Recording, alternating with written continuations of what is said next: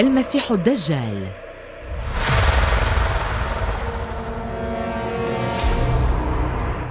لعل أكثر ما يثير الرعب في النفس البشرية هي فكرة النهاية.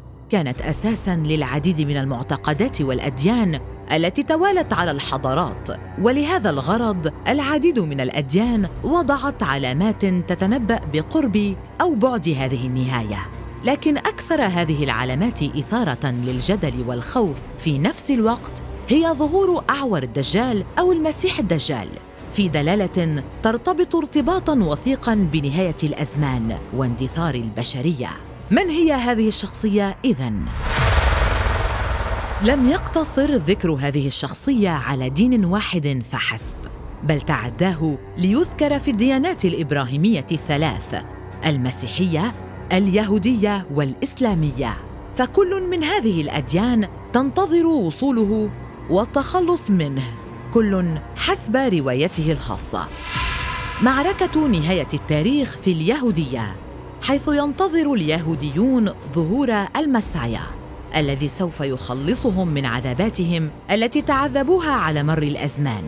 حيث أنه سيقوم بإلغاء جميع أديان الأرض عدا اليهودية كما وسيقتل كل من اتبع الأديان الأخرى في معركة سموها بنهاية التاريخ. لينعم اليهود أخيرا بالحياة التي يتمنوها حيث أن الرب سيتوقف عن البكاء. بسبب تفريطه بشعبه المختار ويمطر من السماء فطيرا وثيابا صوفية وسيكون لكل يهودي 2800 عبدا تحت خدمته. هذا ما ذكره التلمود اليهودي بدوره من القصة. لتقوم دولة يهوذا وتبقى للأبد. أما في المسيحية فقد حذر النبي عيسى عليه السلام من أنه وفي نهاية الزمان سيأتي أشخاص يدعون أنهم هم المسيح ابن مريم بل وأشار نبي الله أنه من الممكن أن يكونوا مؤيدين بمعجزات وعجائب كي يضلوا الناس.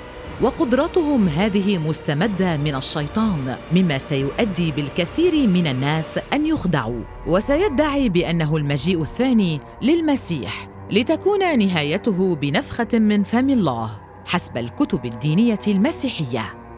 أما الفتنة المهلكة التي حذر الإسلام منها هي فتنة المسيح الدجال التي تم عن طريق الأحاديث النبوية. الإشارة إلى المكان الذي سيظهر منه الدجال. فقالت الأحاديث النبوية أن المسيح الدجال سيظهر من أرض في المشرق يقال لها خراسان ومعه قوم يتبعونه. وبحسب الأحاديث أيضا يقال أن المسيح الدجال سيذهب لكل مكان في الأرض إلا مكة والمدينة المنورة في أرض الحجاز. اللتان سيعصمهما الله منه كما أشار النبي محمد صلى الله عليه وسلم بأن المسيح الدجال سمي بهذا الاسم لأنه سيمسح الناس ليشفوا من أمراضهم. كما سيحيي الموتى في إشارة منه إلى وجود المعجزات معه وذلك بغية خداع الناس. كما يقول النبي أن مدة وجود الدجال في الأرض هي أربعين يوما. يوم كسنة ويوم كشهر ويوم كجمعة. وسائر أيامه كأيامكم. فيكمل النبي ليقول أن السيد المسيح الحقيقي سينزل في شرق دمشق. ويقتل الدجال في باب لد وهي قرية في فلسطين. لينتهي الدجال هناك. يقال أن الدجال هو صديق لإبليس ويجلسان معا. ويقال أيضا أنه في مثلث برمودا اليوم مما يفسر للبعض اختفاء الطائرات والسفن هناك. كما يتم ربط العديد من الأحداث حول العالم بعلامات ظهور الدجال حيث يتم ربط المواليد الجدد ذوي التشوهات الخلقية بظهور الدجال مثل الطفل الذي ولد بعين واحدة لأسرة يهودية. لكن ما يعرف عن الدجال أنه يملك عينين اثنتين لكنه أعور في اليمنى. مما ينفي هذا الربط.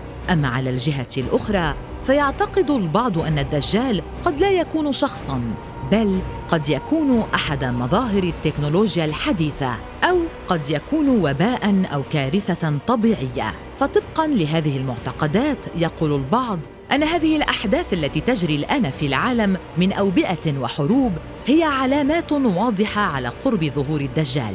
فكما تقول الديانة المسيحية إن انتشار الفساد في الأرض هو دليل على اقتراب يوم الرب. مما جعل الكثيرين اليوم يرون في الفساد الحاصل دلالة على اقتراب ظهور الدجالين. كما قال نبي الله عيسى عليه السلام واسلاميا فأحد علامات الساعة الصغرى هو انتشار الكذب والخداع بين الناس وقسوة القلوب. ما دفع بالكثيرين إلى الاعتقاد أن ظهور الدجال بات وشيكا. ومع هذا فإن الأديان السماوية شددت على أن موعد الساعة لا يعلمه سوى الله.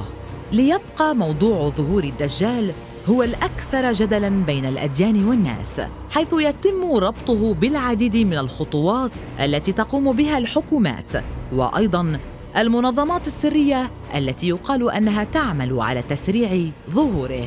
ليبقى العلم عند الله وحده.